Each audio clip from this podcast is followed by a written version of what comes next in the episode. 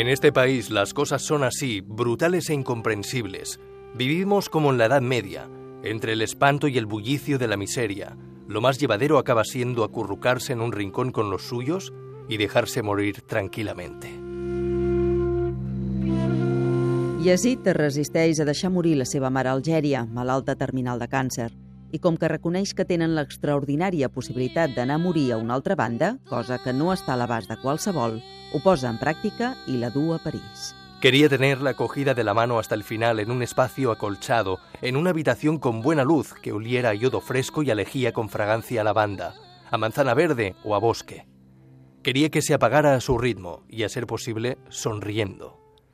En Argelia las cosas son lo que son, brutales e incomprensibles. Aquí la gente muere como en el medievo, en medio del espanto y del bullicio de la miseria.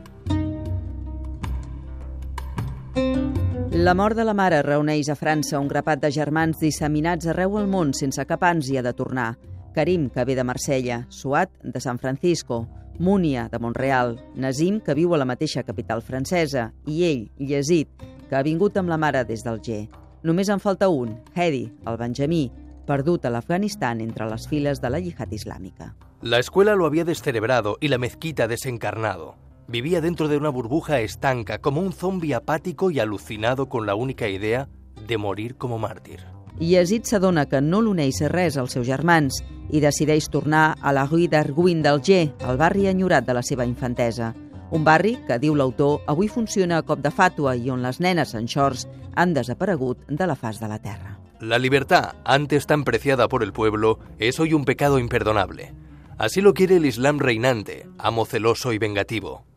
Solo es libre el que se somete a Alá, claman.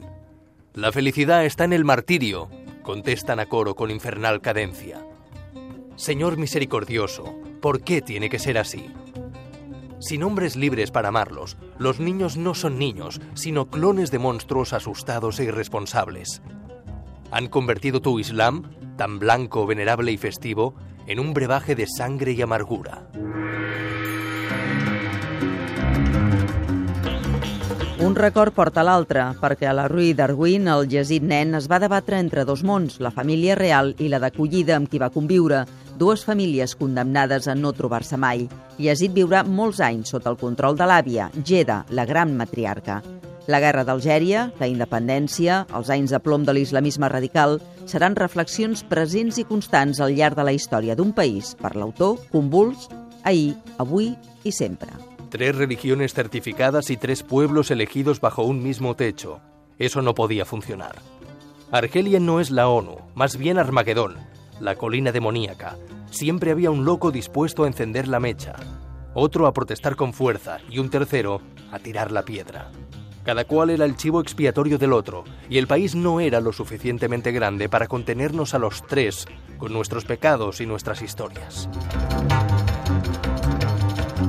Puede, sin más, que el Islam y los musulmanes sean incompatibles. Uno de los dos sobra, porque la religión debe ser entendimiento, sinceridad, renuncia y ante todo mesura.